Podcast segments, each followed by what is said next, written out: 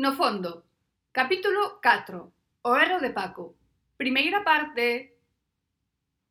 Andrés nunca esquecerá aquel lun 7 de xullo.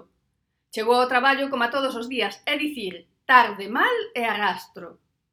O seu xefe chamou no ao despacho, iso tampouco lle extrañou, sempre facía algo mal, non porque fose un inútil, senón porque non estaba motivado.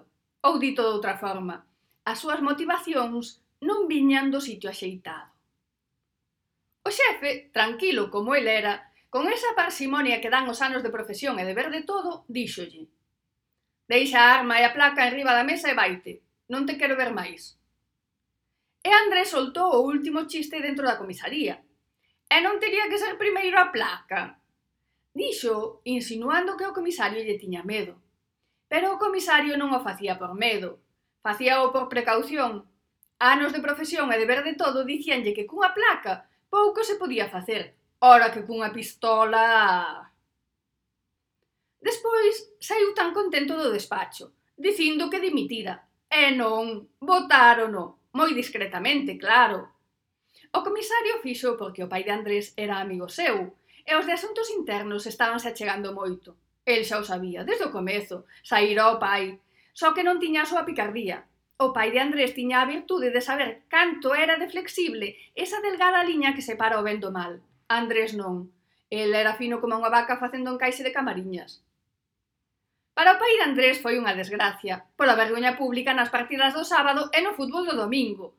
Como a cousa se puxese tensa, había sair o tema, e de feito saía, cada vez que había que minar a moral do contrario. Pero no fondo sentiu alivio. Só Deus sabe cantos xamóns lle tivera que regalar ao comisario na curta carreira do seu fillo. Para Andrés tamén foi unha liberación, e tanto, seguía co que estaba e aforraba os sermóns do pai, do xefe e dos pesados de asuntos internos. Esqueciulle o pequeno detalle de que a xente que aquel negociaba só lle interesaba por ser policía. Caía de caixón, pero Andrés non tiña tempo para pensar, nin cerebro.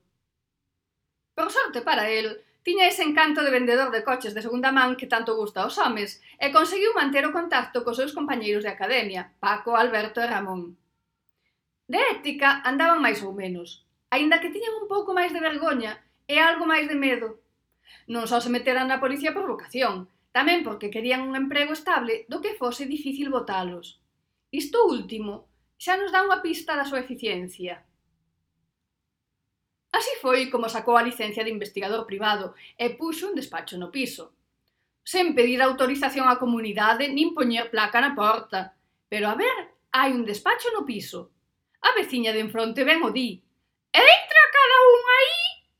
Pero quen lle vai facer caso a unha pobre muller a que todo o mundo coñece como a emisora da veciñanza? Valle moi ben, de cando en vez leva un susto, pero ter o único Jaguar último modelo da cidade compensa o de vez. O cliente máis importante de Andrés, ou polo menos o que máis traballo lle daba, era o alcalde. En favor de Andrés hai que dicir que era un cliente herdado do seu pai. Non pagaba mal e ademais era un home agradecido. Bueno, para ser máis exacta, debería dicir que era vingativo e rencoroso. Por iso, e seguindo por única vez na súa vida o consello do seu pai, Andrés facía todo o que lle mandaba. Da súa relación co alcalde, Andrés sacou moitos contactos, dos vos, dos de pasta. Acabou facendo traballos para o Concello. Era como o bedel do lado escuro. Sabía todo de todos e de todas. Iso, a longa, era mellor que un plan de pensións. O alcalde Cabellés foise tranquilizando. A tranquilidade que dá a fortuna amasada, claro está. Pero o seu relax non fixo un burato nas finanzas de Andrés. O sitio ocupouno o Concellal do Urbanismo, que cada vez tiña máis traballo o pobre, porque cada vez quedaba menos terreo e iso que absorbían cada vez máis concellos. Andrés, neste campo, era multifuncional. Buscaba novos terreos, botaba as vellas dos inmobles interesantes, o típico desta concellalía. Con todo, fixéronse amigos e a a súa casa os venres e todo. Aínda que esta etapa só durou ata que lle rompiu o corazón a súa filla, Alicia. A verdade é que para el, Alicia só foi un rollo de fin de semana. Pero o concellal púxose tan nervioso ao pensar que a súa filla da alma quedase preñada daquele individuo o que lle tería que dar a metade da súa herdanza, que sacou de cheque. Púxelle os ceros que sabía que lle habían gustar e zanxou a cuestión.